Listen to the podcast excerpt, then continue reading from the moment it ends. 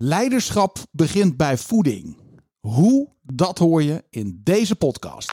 Welkom bij de Storybrand Podcast, waar wij geloven: if you confuse, you lose. Ruis in je communicatie is je grootste vijand. En het creëren van een duidelijke boodschap is de sleutel om je bedrijf te laten groeien. Dit is de Storybrand Podcast. Roeland, hartelijk welkom in de podcast Studio voor Storyband. Daar zijn we weer. Ja, leuk. Dankjewel, Daan. We gaan het hebben over voeding. Ja, Hoe kijk jij tegen voeding aan? nou, eh, meestal hoe het mijn mond ingaat, eh, Daan. Op je bord. ja. Nou, dat, nee, dat, is, dat is wel een leuke vraag die je stelt. Ehm, ik, ik denk dat je daar niet zoveel mee bezig bent over het algemeen. Eén moment, ik pak even een eh, gebakje.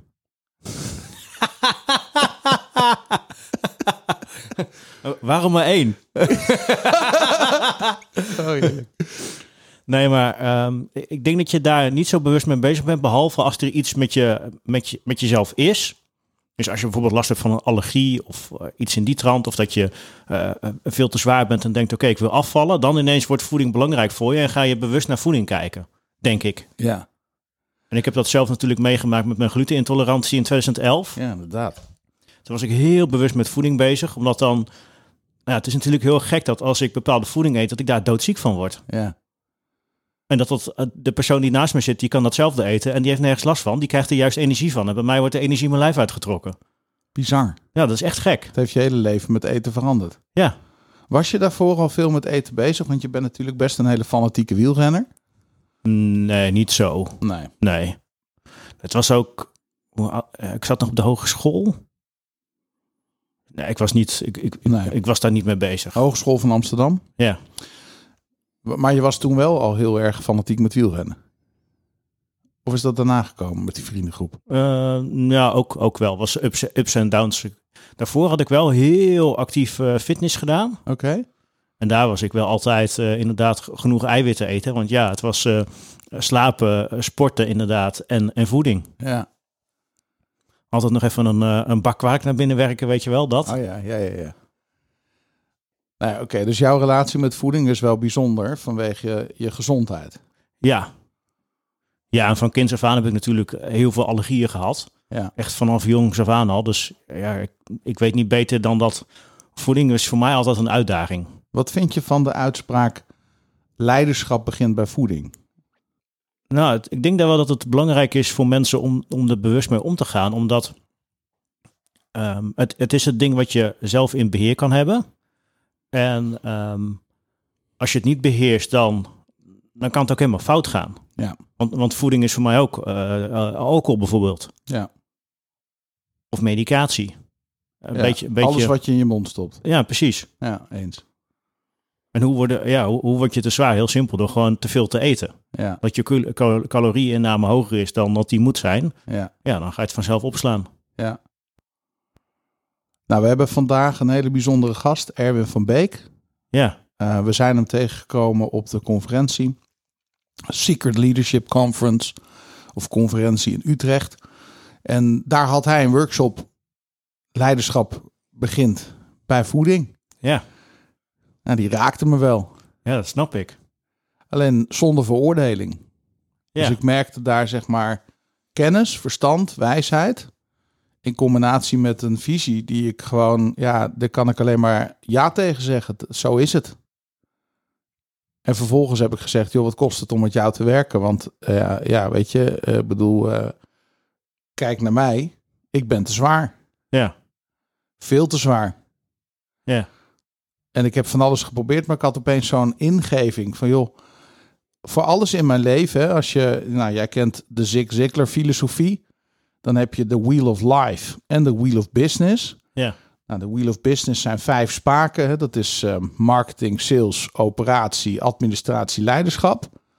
En het wiel van je persoonlijke leven heeft al die assen van geestelijk, eh, recreationeel, eh, je job, nou, relaties, financiën, noem maar op. En als je een goed leven wil leiden, moet je eigenlijk zorgen dat je al die spaken een, een, een acht of hoger scoort. Want dan heb je geen eh, bubs in je wiel. Dus dan rij je lekkerder door het leven. ja, En toen dacht ik, ja, voor alle gebieden in mijn leven heb ik een coach. Behalve voor voeding. Ja, precies. Ja. Er was opeens was dat zo'n aha-moment. Dat ik dacht van ja, weet je, waar ik... Nou, ik zal niet zeggen dat mijn hele leven één groot succes is. Hè, maar ik denk dat ik bovengemiddeld score op heel veel onderdelen in mijn leven. Ja. Behalve op deze. En die kwam zo bij me binnen dat ik dacht: oké, als ik nu niet meteen actie onderneem, dan ehm, mis ik de boot. En nu ga ik met Erwin werken. Maar goed, daar gaan we het straks over hebben. Maar ja, daar heb ik echt zin in, uh, Roeland. Ja, dat, dat, dat snap ik, ja. ja. Waar ik ook nog bij moet denken Daan, aan voeding is dat... ehm, ze, uh, voeding hebben ze um, sfeer bijgebracht of gezelligheid. Ze hebben de marketing toegepast, waardoor uh, bepaalde dingen die je gaat eten, daar hoort ook gezelligheid bij. Mm. En daardoor wordt het heel lastig om, om de verleidingen daarvan te weerstaan. Ja, dat zeg je mooi. Dus een, uh, een worstje, een chipje, al die, die lekkere dingen die eigenlijk ook niet per se goed voor je zijn. Nou, het functionele van voeding is weggehaald. Ja, Hè, voeding is een marketinginstrument geworden. Waar, dat is een van de grootste industrieën ter wereld. Precies, ja. En er zijn maar een paar eigenaren. Ja, en die... Uh... En die bepalen dat. Ja. En die bepalen wat jij en ik eten, totdat we besluiten om het anders te gaan doen. Ja, totdat je die, dat persoonlijke leiderschap ja. echt gaat aanspreken. Jij hebt dat heel goed op orde. Nou, valt wel mee hoor. Vind je niet? Uh, voor mij is het simpel. Ik moet alleen een glutenvrij dieet volgen. Ja, oké. Okay. Ja, je bent verplicht om het te doen omdat het anders niet goed gaat met je. Ja. Ja, ik weet wat de consequenties zijn. Dus dat, dat is een hele makkelijke keus. Ja. Maar goed, eigenlijk zou dat het voor mij ook moeten zijn. Alleen bij jou zijn de resultaten direct zichtbaar. Bij mij ja. zijn ze ook direct zichtbaar. Nou, ja. nee, ik bedoel, jij hebt er meteen last van. En bij mij kan het uh, een hartaanval of hart- en vaatziekte... is toch iets waar je niet mee identificeert. Nee, dat, dat, dat klopt. Het is natuurlijk ook het verschil tussen korte en lange termijn. Maar eigenlijk, als je... Um, stel je zou, weet ik veel, drie weken lang alle, alleen maar gezonde dingen eten... en um, nou, niet de dingen nemen die slecht voor je zijn... Mm dan ga je waarschijnlijk uh, vliegen qua energie. Ja. Heb je minder slaap nodig. Ja. En ja, dan als je dan weer terug gaat naar het oude. Ja, dat gaat niet meer. Precies. Nee. En, en eigenlijk is dat voor mij hetzelfde. Alleen dan, ja, ik, ik word er automatisch ziek van. Ja, sterk. Nou, ik heb echt heel veel zin in om Erwin uh, te interviewen. Um, zullen we hem uh, even goed introduceren en dan naar het interview gaan? Lijkt me goed. Erwin van Beek is spreker, trainer, mentor, coach in extreem eigenaarschap en leiderschap. No compromise. Hij begon zijn carrière bij de strijdkrachten en marechaussee en werkte later voor de Nederlandse Politieacademie, waar hij verantwoordelijk was voor SWAT-opleidingen en andere Special Forces trainingen. Erwin heeft 25 jaar ervaring in fysieke en op realiteit gebaseerde training voor rechtshandhaving en militair personeel. Expertise in close quarter combat en tactieken, inclusief vuurwapens. Een man die je absoluut wil horen. Hier is Erwin van Beek. Erwin, hartelijk welkom in de podcaststudio van Storybrand. Dankjewel, dankjewel Daan. Ja, er uh, valt veel over jou uh, te vertellen, maar het is natuurlijk veel leuker om zelf met jou in gesprek te zijn. Um, aanleiding was uh, de Secret Leadership Conference waar jij een workshop gaf. Ja. En daar begon je met de zes pijlers. Ja. En het eerste wat je zei was, um, leiderschap begint bij voeding. Ja. Nou, toen had je me natuurlijk al. ik ben stevig aan de maat. Er moet wel wat gebeuren. Maar ik heb het op me in laten werken. En wat me opviel in, het, in, in de uh, presentatie die je gaf, is dat ik me 0% veroordeeld voelde. En eigenlijk aangetrokken werd naar je verhaal. En ook natuurlijk vanwege je autoriteit die je hebt als uh, ja, topsporter. Um, uh, ook in, bij politie en defensie uh, bepaalde rollen hebt vervuld. Waarvan ik denk van nou, die man die heeft iets meegemaakt, die weet ergens wat van. Dus ik kon het ook makkelijker accepteren. Ik ben naar je toegelopen. Ik zeg joh, ja. ik, um, ik wil me aanmelden voor dat project. Het Rewire project. Ja. Daar kunnen we het ook nog eens over hebben. Maar waarom, dat is mijn eerste vraag eigenlijk. Waarom begint leiderschap bij voeding? Ja, kijk, kan... Uh... Het is eigenlijk een heel lang verhaal, maar uh, een, een, korte versie eigenlijk is dat uh, ik probeer eigenlijk elk probleem, hè, of dat nou uh, politiek probleem of een groot probleem, probeer ik altijd heel klein en plat te slaan. Ja. Dus dan denk ik, oké, hoe los ik dat probleem op? En zo ben ik ook een beetje opgeleid in alles. Eh, om te kijken van... eh, en de, de stelling bij Defensie was altijd, is er bloed bij? Hè? Dus eh, je krijgt een probleem voor je voeten. En dan is de eerste vraag die zegt, is er bloed bij? Dus als er bloed bij is, is het heel ernstig. Dus je moet snel beslissingen nemen. Hè, snel tactische beslissingen. Ja. Is, er, is er geen bloed bij? Dat betekent, dan had je 30 seconden langer om voor te bereiden, bij wijze van. Ja. Eh, en zo probeer ik eigenlijk alles te analyseren. Dus als ik voor een heel groot probleem kom, dan denk ik: oké, breng dat terug.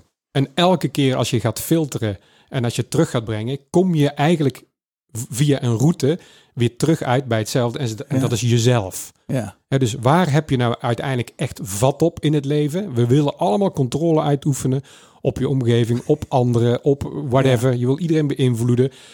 Maar eigenlijk eh, heb, je, heb je dat helemaal niet voor het zeggen. Nee. Hè? En, en de echte controle zit dus op jezelf. Ja. Dus elk probleem, ik geef ook altijd aan, alles is jouw schuld. Eh, dat betekent betrek het op jezelf, maar wel met de schuldvraag. Dus echt emotioneel maken. En vanuit die emotie kijken, wat kan ik doen? Mm. En dan is alles dus persoonlijk leiderschap. En waar begint dan dat persoonlijk leiderschap? Dat begint dus altijd weer bij voeding. Ja. Want eh, ik kan een business gaan bouwen. En, dan, eh, en de voorbeelden zijn er natuurlijk, hè, want we doen inmiddels eh, retreats voor CEO's met miljoenen bedrijven, samen met Thibaut bijvoorbeeld. En die hebben alles voor elkaar, behalve zichzelf. En hebben dus eigenlijk niks voor elkaar, uiteindelijk. Want dan komen ze naar, naar ons toe om fysiek, mentaal weer terug op de rit eh, gezet Ja. te worden. Ja. Dus dan denk ik, oké, heb je al die jaren geïnvesteerd, heb je een succesvol bedrijf, maar eigenlijk valt het uit elkaar. Waarom? Ook weer terug naar persoonlijk leiderschap, omdat die pijler gewoon niet op orde is. Nee. En die pijler begint dus altijd bij voeding. Oké, wat stop jou in jij, of wat stop je in jouw lijf? Eh, ja, om Aan om- eten en aan drinken. aan eten en aan drinken, om die energie eh, vrij te maken die nodig is om de rest daarop te schapelen. Dus ik zie het als een fundering van een huis Ja. waar je een huis op bouwt. Nou, slecht dieet, slechte fundering, kun je geen huis bouwen. Ja, je kan een huis bouwen, maar uiteindelijk stort het in. Ja. En je dat gaat die prijs een keer betalen. je gaat, ja. Ja. Ik, ik, ik zeg ook altijd, je gooit een boemerang weg. En die gooi je veel eerder weg dan je denkt, want die gooi je in je puberteit al weg, al eerder. Ja. Eh, maar dan heb je er zelf niet zo vat op. Maar vanaf de puberteit, hè, wanneer je echt een beetje bewust wordt en denkt, ja, nu kan ik keuzes maken, Ja. gooi die boemerang weg. En dan is het 10, 15 jaar later of je vangt hem eh, hè, met ownership, of Ja. je krijgt een keihard tegen je hersens aan. Wel interessant. Ik, ehm, ik heb zelf een theologie-achtergrond. Ja. Ehm, en een van de dingen waar ik aan moest denken toen ik jou hoorde spreken over leiderschap is voeding. Dat of je nou gelovig bent of niet, maar de Bijbel is eh, wat dat betreft een interessant. Hè, het blijft altijd een interessant boek met eh, wijze levenslessen. Ja, Op zijn minst. Hè. Voor de ander is het eh, van meer waarde. Maar ehm, het verhaal van Adam en Eva, het ontstaan van de wereld, wat gaat over verleiding, ging ook over voeding. Ja. En ehm, we hebben net de Passion gehad. Eh, Ja. Het is net Pasen geweest. Ook daar zie je dat Jezus 40 dagen en nachten ging vasten in de woestijn en drie verleidingen kreeg. En de eerste was, joh, als je toch de zoon van God bent, dan kan je die stenen toch even veranderen in brood. Dus dat eten is toch ergens, als je dat niet onder controle hebt, dan Ja. heb je eigenlijk nog niks onder controle. nee, precies. Nee, dat klopt. Dus dat, dat is ook eh, de basis van alles. Alleen, hè, dan is het zo, eh, want je zei net, ja, je veroordeelt niemand. Je, dat kan ook niet, want je moet dus... En ik geef ook altijd aan, hè, eh, trainers of coaches die jou op papier geven en dit is wat je dus dan moet eten. eh, dat is per definitie een verkeerde aanpak. Mm. Eh, en waarom? Om twee redenen. Is dat het lijf is ook altijd een black box. Mm. Hè, dus op het moment, je stopt er iets in. We kunnen heel veel meten aan de achterkant. We weten ongeveer wat er in dat lijf gebeurt. Ja, Over de hele linie. Maar heel veel weten we ook niet. nee. Ehm, dus wat er in jouw lijf met bepaalde voeding gebeurt, dat kan ik niet zien. We kunnen, en dat is wat we doen in zo'n project, hè? we halen eigenlijk eh, de, de stekker eruit en, en filteren eigenlijk alles eromheen wat per definitie voor iedereen zo'n beetje slecht is. Ja, Maar vervolgens gaan we wel testen, maar wat is nou echt slecht voor jou of wat is nou echt goed voor jou? En dan kom je erachter dat bepaalde dingen die in de volksmond als gezond worden bestempeld, voor jou misschien helemaal niet gezond zijn. En andersom. Dus Ja. bepaalde dingen die extreem slecht worden geacht, voor jou helemaal niet zo slecht zijn. En hoe dat dan komt, ja, dat weet niemand. Dat is het black box idee. ja. En als je dat weet, eh, dan sta je dus sterk. Want dan weet je wat je in jouw lijf eh, hoe je jouw lijf voedt, zeg maar. Mooi. En, en, en dat is een tweede waarom dat zo belangrijk is, en zeker met volwassenen. Omdat als ik jou iets voor, voorschrijf iets te doen, krijg je dat yo-yo-effect. Ja, Oké, je, doet, je doet dat. Meestal is het iets weglaten. Hè? Dat is altijd makkelijk. Een dieet is iets weglaten. Ja, Als je iets weglaat, val je af. ja, Maar wat dat chemische proces in je lijf doet, ja, dat is dan nog maar te bezien. En je snapt er niks van. nee. Dus op het moment dat jij het niet snapt waarom je dingen doet, blijven ze ook nooit, eh, wordt het niet deel van jou. Nee. Zou je kunnen zeggen, voeding is de basis van leiderschap dus omdat het gaat over het managen van je energie? Ja, En, en, bijvoorbeeld. en dat is belangrijker dan het managen van je tijd en je geld. Want als je energie op peil is, ga je beter om met je tijd. Hè? Je krijgt meer Ja. gedaan, et cetera. Ja, En dus neem je betere beslissingen. ja, En dus als ondernemer is het dan ook makkelijker om meer geld te verdienen. ja. Maar het zijn allemaal concepten en gedachten in ons hoofd. Want we vinden ook allemaal, ik noem maar wat, eh start-up. Dan moet je 80 uur werken, dan moet je slecht eten, dan moet je niet slapen, want dat hoort erbij. Dat is een concept, dat zit dan in een hoofd van iemand. En ik denk, ja, nou ja, sorry, maar dat, dat is niet heel slim, hè? Nee. En we zien ook natuurlijk allemaal Elon Musk bijvoorbeeld super eh, eh, alleen.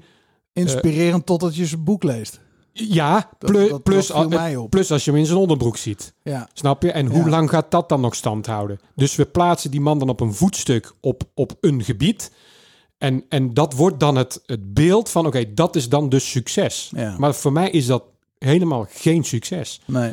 Voor mij is, ik- is succes gewoon inderdaad sterk persoonlijk leiderschap.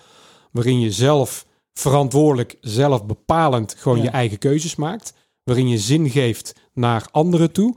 Eh, en waarin je jouw eh, definitie van succes eh, hebt gedefinieerd en daaraan werkt, zeg maar. Ja. Maar wel vanuit een, vanuit een gezonde, functionele basis. Is die voeding ook zo belangrijk? Eh, hoe is jouw visie daarop? Hè? Want dit gaat dan ook over discipline, Mhm. ehm, Daar begint het, beheersing. Ja, En dat, is, dat zijn die ingrediënten, hè? ja, ja je, je lacht erbij. Ja, toch? Ik bedoel, daar draait het Ja, om. kijk, er, zijn een aantal mensen die. Hè, we- de, de- eh, discipline, daar begint het mee. Ja, dus eh, vaak. eh, mensen denken dat het bij motivatie begint, maar eh, daar, dat is een tweede. De, als je de discipline hebt om de juiste dingen te doen, daaruit voortvloeit eigenlijk motivatie, omdat je dan beloond wordt voor de discipline en daaruit gemotiveerd wordt. En dat hele- wat, waar haal jij jouw discipline vandaan? Want je, bent, je hebt op het allerhoogste niveau ju- gejudo'd. Ja, ik heb geprobeerd op het allerhoogste niveau te judo. Dus ik ben absoluut topsporter geweest in eh, hoe ik eh, de training heb aangepakt en alles. Ik heb nooit eh, wereldniveau gehaald, maar Nederlands topniveau wel in de Nederlandse ploeg gezeten en dat geambieerd. Maar omdat ik toen ook al in mijn politie-militaire carrière actief was, ja, wilde ik gewoon te veel tegelijk. En dan merk je gewoon in de balans moest ik dan zo afstemmen dat ja, dan was dat het ho- hoogst haalbare binnen die topsport. Is discipline voor jou dan het gevolg van het hebben van een visie? Moet je plaatje, je drive van binnen zo sterk zijn dat je daarmee de discipline... Stel dat jij nu iets hebt in je leven, Ja, een gebied, ja, waarvan je zegt dat beheers ik nog niet. ja. En discipline is daarvoor nodig. Hoe Ja, vind je dat dan? Nou, eh, nou ja, kijk, dat vind je niet, dat heb je. Eh, en, en, je hebt het, en als je het niet hebt, dan doe je het. dus een van mijn quotes, en die heb ik eigenlijk gejat van eh, mijn collega in, in de geweldsbeheersing, Wietse Dijkstra. Eh, en die zei ook altijd, eh, beginnen met beginnen. Dus dat is ook een van mijn quotes geworden, samen van ons. En dan zeg, ik- dan zeg ik ook beginnen met beginnen. Dus heel simpel gezegd, hè, dus die wekker gaat s'morgens Ja, mijn been hangt al uit bed in die, in die wekker. Dan heb ik niet de tijd gehad om na te denken, vind ik dat eigenlijk wel fijn? Ben ik wel gemotiveerd om op te staan? Dat is helemaal niet de vraag. Ik sta al naast mijn bed. ja, En zo moet je het ook met voeding aanpakken. Dus zo alle aspecten van ik wil iets, wat is daarvoor nodig? Oké, begin bij discipline. Dan moet je opschrijven, eh, wat moet ik daarvoor doen? En die dingen moet je dus gewoon doen. doen. En de mensen die zeggen, ja, maar het zit niet in mij, dat is echt bullshit. Want Ja. iedereen kan het leren.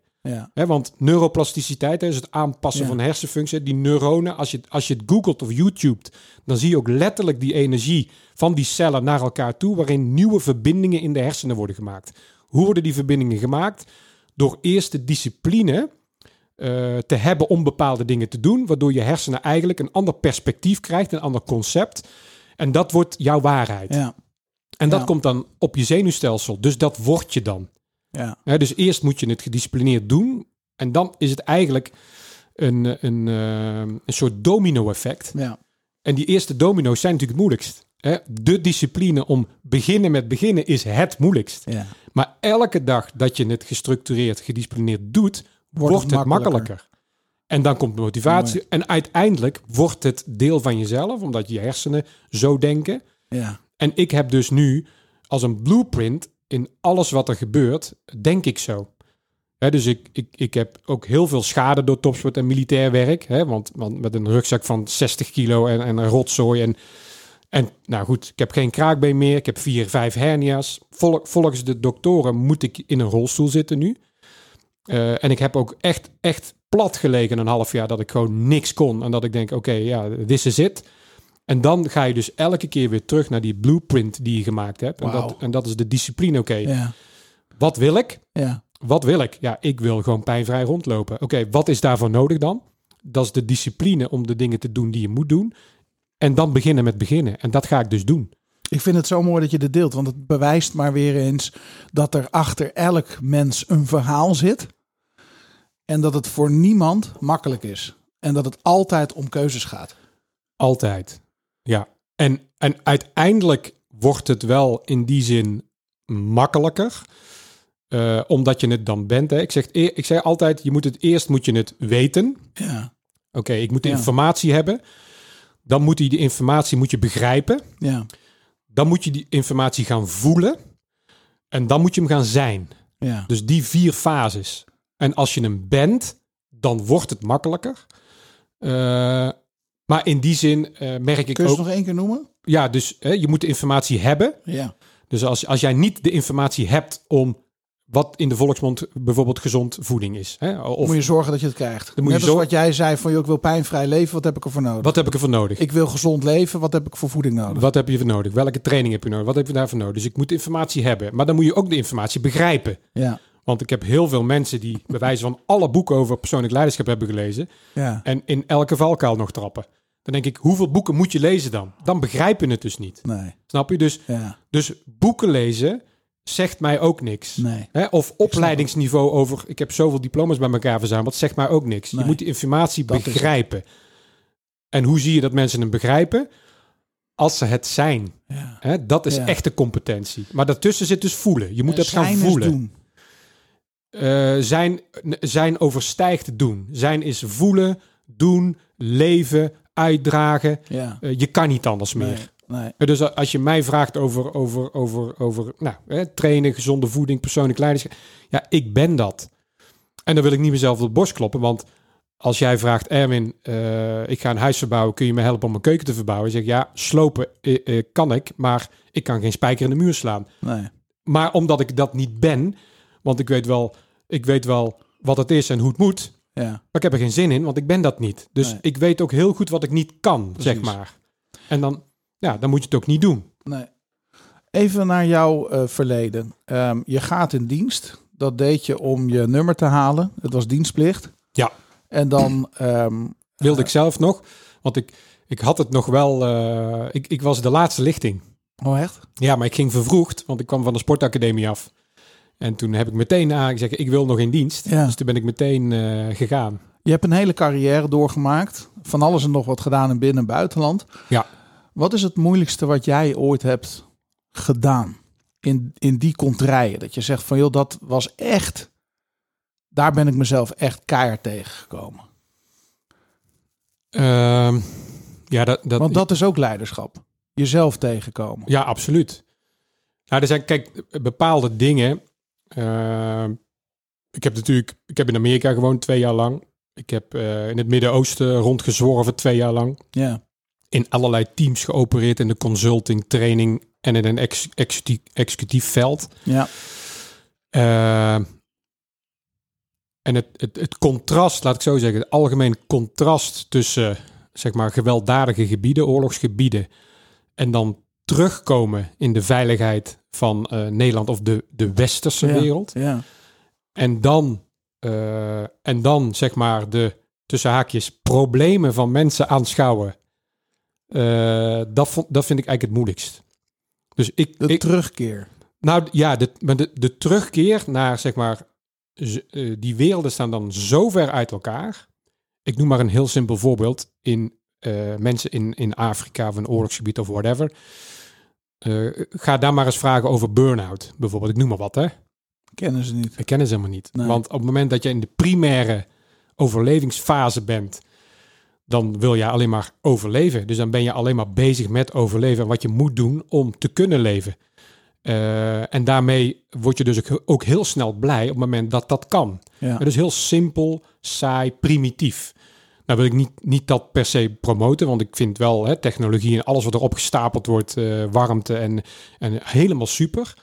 Maar dat perspectief van het ene eh, uiterste naar het andere. En dan de problemen die mensen zelf creëren. hè, Want ik geef altijd aan, ja, het probleem is dat je geen probleem meer hebt. Dus je, je gaat zelf wel zorgen voor problemen. Omdat ook, we zijn zo gewired eigenlijk. Hè? Dus Ja. onze hersenpan, van vroeger uit ook, als ik in een stam leefde, hunter-gatherers, en ik gaf jou informatie, dan ging dat altijd over overleven. En, en nu is dat natuurlijk al lang niet meer. Dus, maar onze, maar zo- onze hersen werken nog wel zo, Ja. eh, oplossend nog Ja. steeds zo. Dus als we geen problemen hebben, dan creëren we ze wel. Ja. En dat is wat we nu doen. Dus voor mij is dat een van de moeilijkste dingen eh, vanuit daar, hier. eh, dat ik aanschouw eh, hoe mensen omgaan met, met in hun ogen problemen, die voor mij geen problemen zijn. Eh, Daarmee dealen. daarmee dealen. En, omdat en jij natuurlijk anders relativeert. ja. En, en zij dus als jouw buren ruzie maken over een kliko. Ja, dat vertelde ik net. hè. Die kliko die Dat- verkeerd staat. Of, of, of, of de buurman die aan het gras maaien is terwijl jij lekker in de zon zit. Weet je wel? Helemaal uit je pan gaat. Ja, eerste wereldproblemen. Ja, dat zijn natuurlijk extreme voorbeelden. Maar Die mensen zou jij eigenlijk het liefst even willen oppakken en in zo'n setting willen Ja. zetten, waardoor ze het perspectief weer krijgen. ja, ja, ja, ja. Oké, dat is interessant. Het is interessant dat ik weet niet wat je allemaal hebt gedaan in het buitenland. Ik, ik, ik, ik weet wel, een, ik heb er wel een beeld bij. ja. En ik zou dan zeggen van nou, nu komt Erwin met een verhaal of een anekdote waarvan je denkt, dat is heftig. En Ja. jij, jij, komt eigenlijk, jij komt eigenlijk met de opmerking, ja nee, het heftigste wat ik ooit heb gedaan is terugkeren in een maatschappij die dat perspectief even kwijt is. Ja, ja, misschien wel, ja. Ja, Ja, kijk, ik heb altijd het geluk gehad, hè, want eh, bijvoorbeeld Amerikanen gaan echt eh, jaren eh, in zo'n rotatie, zeg maar, naar dat gebied. In Nederland is het wat minder heftig, maar Ja. ook nog steeds lang. En ik heb eigenlijk het voordeel gehad dat ik, zeg maar, als contractor eh, vanuit een eigen bedrijf ondersteunend was aan die westerse eenheden. Dus altijd met een klein groepje invloog naar een bepaald gebied, een klus klaarde of een trainingsklus of consultantsklus of executief en weer weg was. ja, Dus een van de dingen om trauma te voorkomen is om niet te lang eh, aan die eh, Ja. stress zeg maar blootgesteld ja, te worden. ja. Dus dat was ook mijn voordeel. Maar een tweede, 100% is dat het ook wel typisch is dat, dat ik en mijn eh, collega's zeg maar eromheen, waarin, waarin ik dan mee samengewerkt heb en waarin we het bedrijf draaien, eh, is dat wij er allemaal geen last van hebben. En dat wil niet Mm. zeggen van dat wij beter zijn, maar dat een sleutel dus is dat wij hebben onze specialisme gemaakt van hoe geweld zich uit hè, bij mensen Ja. fysiek, mentaal. ja, Hoe bereid je dat dan voor? En als alles fout gaat, wat, wat doe ik dan nog? ja. Maar ook de terugkeer daarvan. Hè? Dus als ik uit die extreem gewelddadige situatie kom, hoe ga ik dan om met eh, dat ik die informatie moet Ja. verwerken? Ja. Daar hebben wij eh, eh, onderwijs op gemaakt. ja.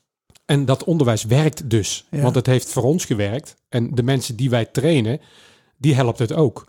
En over het algemeen vind ik dus nog steeds dat politiemensen, ook voor op straat, maar militairen ook, Nederlandse militairen, uitgezonden worden zonder gedegen voorbereiding. Van wat kun je daar allemaal meemaken? En Dat is ik- eigenlijk misdadig. Ja, dat is misschien een sterke term om te gebruiken, maar nou ja, misschien, wel- misschien wel uit eh, eh, eh, incompetentie. Dat, Hmm. dat, ik zie het meer dat het, dat, dat, dat het onwetendheid. Nou, niet onwetendheid, maar wel incompetentie. Ja, Maar misschien ook wel het niet durven kiezen voor competentie. Want dat verbaast me ook nog steeds. ja. Want Want train jij nog steeds dit soort mensen? Of Ja. is dat echt... Ja? Ja, ja. Want jij werkt, dat vind ik ook wel interessant. Hè? Je, je, jij, jij hebt eh Marshof, eh, KCT, noem ze maar op. Hè? Dus wat, wat we dan in de volksmond even Special Forces noemen. ja. Daar heb jij deze eh, mannen, vrouwen, ik weet het niet. Het is met name mannenwereld, ja, denk ik. Geen vrouwen, nee. Nee.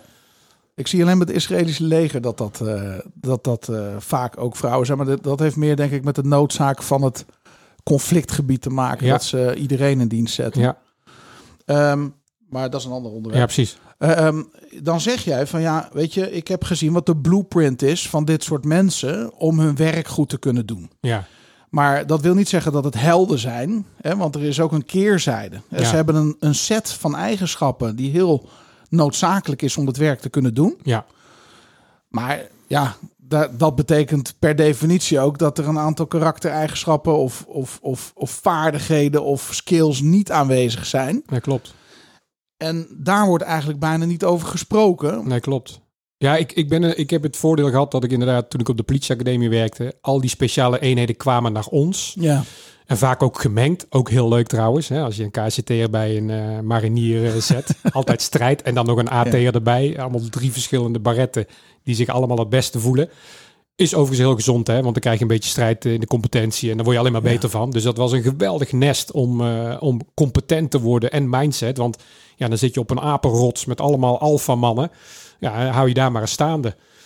En, en die moest ik dan lesgeven, weet je wel. En Ja. wat wij deden is het CQB-gedeelte, dus Close Quarter Battle noemden ze dat. Dus, dus in, het, in, het, in de oog van de storm eh, geweld, extreem geweld.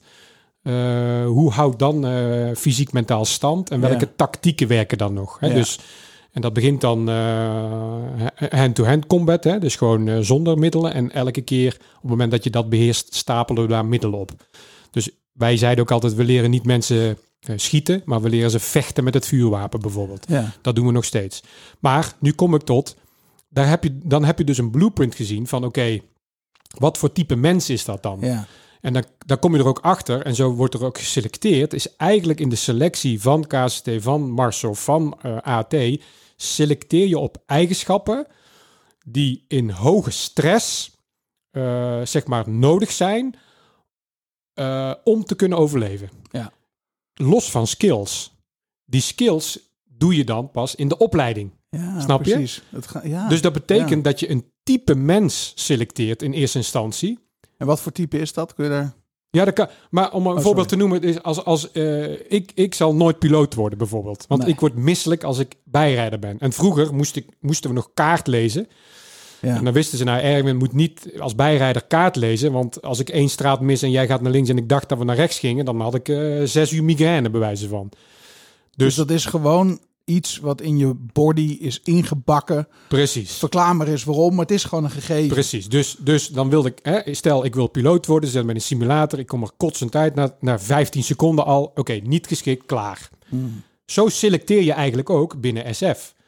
Dus mensen die dat niet kunnen, die voelen zich vaak van ja, maar hè, die, dat is al een voetstuk waar je op plaatst. Ja maar, ja, maar het zijn gewoon heel simpele dingen. Die hebben zij, die hebben ze dus gewoon. Ja. Hè, dus, en daardoor missen ze misschien ook andere dingen.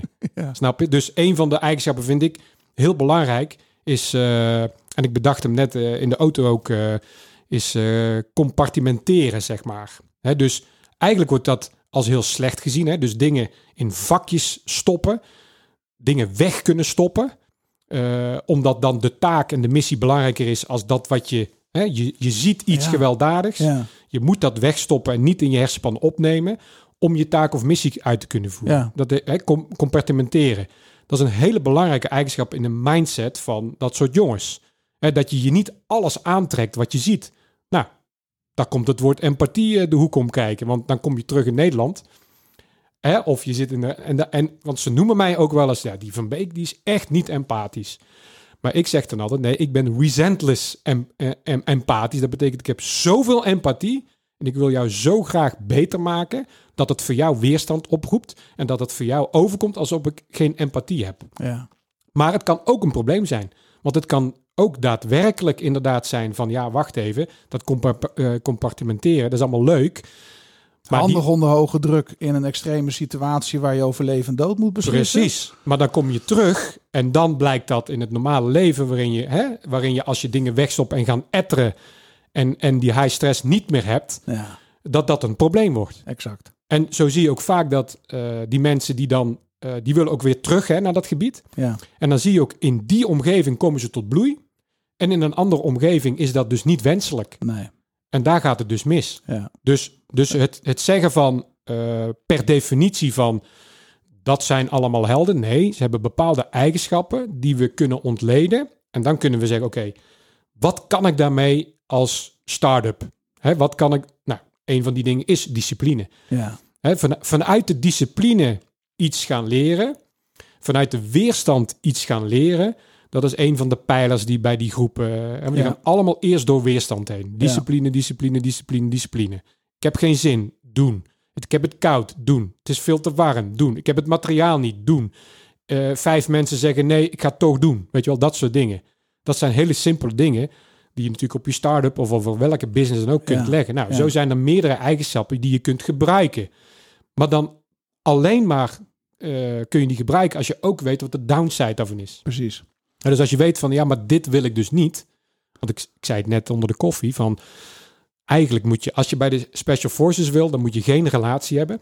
eh, eh, is mijn tip. Ja, En als je een relatie hebt, dan moet je accepteren dat die kapot gaat. ja, Zo simpel is het. ja. Ik heb niet één meegemaakt waarbij dat niet... Nou, en ik heb er heel veel gezien over heel de wereld. En, en Wat degenen die wat- niet kapot is- gegaan zijn, eh, is omdat ze het eh, tot op de dag van vandaag verzwegen eh, kunnen hebben. ja. Snap Ja, je? Ja, nee, ik snap hem. Dus eigenlijk is dat al lang kapot. ja, ja. Voor de vorm bestaat het nog, Precies. maar van binnen is het al Precies. voorbij. En wat leren we daar dan van? Ja. Is dat die empathie die dan ontbreekt? Of zijn het er meerdere factoren Nou, ik de- die ik denk- zorgen voor? Nee, ik denk zeker. Kijk, eh, zo'n zo'n club bij elkaar. Kijk, ik heb ook nooit. eh, en dat is ook iets raars. En dat is. En ik denk dat iedereen daar wel last van heeft die in dat soort clubs heeft gefunctioneerd. Van die, die, die broederschap. Hè, dat voor elkaar door het vuur gaan. Maar ook elkaar de hersenpan kunnen inslaan. Maar vervolgens de deur weer open doen. En weer elkaar, hè, voor elkaar weer door het vuur gaan. En, en, en bij wijze van uh, ervoor springen als het nodig is. Dat gevoel, dat gun ik eigenlijk wel iedereen. Ja, Dus ja, de, en dat is de ultieme vorm van empathie, toch? ja 100%. dus- dus- Misschien is dat dan wel wat je per definitie gaat missen in je huwelijk, omdat dat zo diep gaat. Ja, en Zou dat, dat wordt, dat zijn? da- ja, en dat wordt ook niet begrepen dan. Dus dan zoek je dat weer in die club terug. Ja, En daar, dat gevoel krijg je ook alleen daar, omdat het ook in die situatie alleen naar boven komt, hoe Ja. diep dat dat zit. ja, En, en dan inderdaad, ja, hier is dat dan anders. ja. Is een andere laag waar Ja. je op bent gekomen. Ja. En het gaat natuurlijk allemaal om balans. Dus, dus als je, hè, ook in die zes pijlers, je bent een DJ, zeg ik altijd. En die DJ, die balanceert dus, oké, ik, ik, ik moet die discipline hebben. Maar, maar voor mij ook nu, van, ik noem iets heel simpels. Hè. De, ik heb gedoucht en die douchecabine moet bij mij altijd helemaal droog daarna. Dat, dat, alsof ik mijn wapen wat ik gebruikt heb, moet weer helemaal schoon. Dat hou ik naast mij en dat verlies ik niet uit het oog, want... En een van de dingen die ik nu minder, maar dat kan je nagaan, zo lang is geleden, we hebben er eh, vorige week nog om gelachen met mijn vrouw, die zegt van ja, ik neem nog altijd mijn tas mee naar boven en die zet ik naast mijn bed. En daar zit eigenlijk alles in wat ik voor twee, drie dagen nodig heb, zeg maar. Elke dag. Ja, dat, dat, dat is gewoon... Dat is, een- gewoon een, dat is gewoon een gewoonte geworden. dat is gewoon een gewoonte geworden. Dus altijd snel weg kunnen. Eh, Je achter, bed opmaken, is dat er ook eentje? Of die niet? ja, nou, eh, bed rechts slaan, want opmaken hoeft niet meer tegenwoordig. Nee. Hè, maar ja, de- dat, is dan de, hè, dat is dan beginvorm. Maar bij Ja. mij overstijgt dat dat ik bijvoorbeeld ook achter in de auto gewoon een paar liter water heb eh, altijd. dat soort. dat je altijd dus, snap je? Ja, er zit een bepaalde Ja, voorbereiding. dus, dus de discipline is goed. Maar je moet altijd balans hebben in die discipline ook. Ja, Want op het moment, en mijn, en mijn vrouw is dus mijn, mijn balans. ja, Die zegt ook van oké, maar laat die tas nou En dan leer ik ook van oké, het is veilig. Het, eh, het is geen eh, raar gebied. Dus die tas hoeft niet naast mijn bed te staan. ja. Dus dan, dan, wordt, dan voer je de discipline zo ver door. eh, dan, dan kan het een, weer een negatief dingetje Ja, worden. Dus je moet altijd balans vinden. ja. En dat is het belangrijkste. Dus wat leer ik van dat soort groepen? En wat is de balans dan die ik nodig heb om dat in mijn eh, dingen, eh, hè, mijn leven te doen. Een van de thema's die ik jou veel hoor, ehm, eh, over hoor, is weerbaarheid. Ja. Ehm, we leven in een maatschappij waar dat een woord lijkt uit vervlogen jongensboeken. waar niemand meer iets mee heeft. Laat staan Nee. dat we begrijpen wat het betekent. Ja, Waarom is weerbaar? Wat is het en waarom is het zo belangrijk? Waarom is dat zo'n thema? nou ja, Wat kijk, bedoel jij met weerbaarheid? ja, eh, wederom persoonlijk leiderschap. Maar kijk, het voorbeeld wat ik altijd geef is dat je zegt, je gaat al door weerstand heen, want je hebt je eerste wedstrijd al gewonnen. hè. Je was het winnende eh, kikkervisje. Ja. Dus die weerstand heb je gehad met miljoenen anderen. Daar ben je doorheen. Dan moet je door weerstand door een kanaal heen. Ja. En dan kom je eh, schreeuwend en trappend, bewegend, kom je tot leven. Nou, dat begint te weer. Dus alles, alles wat de mens laat groeien, kost eigenlijk weerstand. Hè, dus eh, je, je leert eh, kruipen, je leert staan, je leert eh, lopen, je moet vallen, je gaat rennen, je valt, je leert klimmen, je valt, je gaat fietsen, je valt, enzovoort, enzovoort, enzovoort, enzovoort. Dus alles, als je het filtert, je wordt alleen maar beter door weerstand op te zoeken. En vanuit nature doen we dat ook. En kinderen hebben er ook bijzonder weinig moeite mee. Precies. Het is ergens naar die weg naar volwassenheid dat het opeens een ding wordt. Eh, ja, omdat wij natuurlijk. eh, kijk, dat zit ook in ons gewired. Is dat we. We willen eigenlijk eh, voor de ander als ouder, dus voor onze kinderen, die weerstand weghalen. Omdat we het voor hen beter willen maken dan dat we het zelf hadden. Hmm. En tot op zekere hoogte is dat natuurlijk ook goed. Hè? Zij hoeven niet door de, dezelfde weerstand heen die ik gehad heb, of anderen gehad hebben. Maar ik ben wel blij dat ik hem gehad heb. We, hadden, we hadden bijvoorbeeld vroeger geen centrale verwarming. En ik moest dus echt letterlijk krabben aan de binnenkant. eh. Omdat het binnen vroor. Ja. Dus als ik buiten gespeeld had, dan stond mijn vader met de brandslang klaar. Uitkleden, bijten, brandslang erop, weet je wel. En lachen, want anders kwam ik niet naar binnen. Nou, als je dat nu doet, dan bellen ze, dan doen ze aangifte. Hele simpele dingen. Ik ben, en, en dus moeten we beseffen, en de quote hè, van eh, hard times eh, create strong men, strong men create better times, better times create weak men, weak men create, nou, enzovoort, Ja. enzovoort. In die cyclus zitten we gewoon. Ja. En dan is elke keer de vraag, maar wat wil jij dan voor jouw kinderen?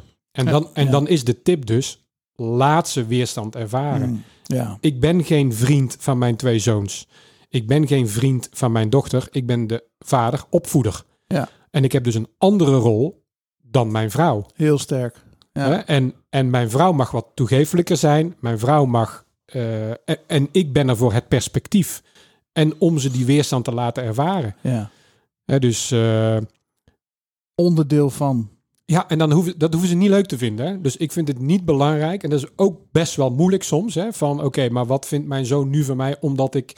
Vanmorgen vroeg mijn dochter: ah, kun je mij niet naar school brengen? Want eh, het regent. Ik zeg: nee, natuurlijk niet. Eh, Nee. Op die fiets. Zo simpel kan het zijn. Ja. Dan kan ik toegeven. En Ja. dan kun je zeggen: ja, maar dan kun je toch wel één ding doen. Ja, dan kun je Ja, ik- inderdaad ik, één ben keer zo doen. blij dat je dat zegt. Ik heb, ik heb ehm, in mijn opvoeding, als ik nu terugkijk, en zijn er een aantal cruciale momenten geweest. Mhm. Eentje weet ik nog. Toen zat mijn eh, tuigje van mijn vishengel in de knoop. En er was een viswedstrijd. En ik dacht, nou, dan, dan ga ik niet. Ja, En mijn moeder was onverbiddelijk. precies. Die zegt, jij loopt nu naar, naar oom Dick. Ja. Die was top, top eh, visser. Ja, Eh, en eh, dan ga je het fixen. ja, Want jij gaat die wedstrijd doen. precies. En met tegenzin en mokkend ben ik naar oom Dick gelopen. Nou, die had het meteen gefixt. Die heeft Ja. me zelfs nog wat lokvoer meegegeven. En Ja. die kwam nog even kijken. En die heeft toen nog mijn pijlootje eventjes beter gedaan. En ik ben tweede geworden. Ja, en precies. moet je kijken wat een overwinning je dus haalt. Als mijn moeder niet had ingegrepen. ja, En dat was een van de...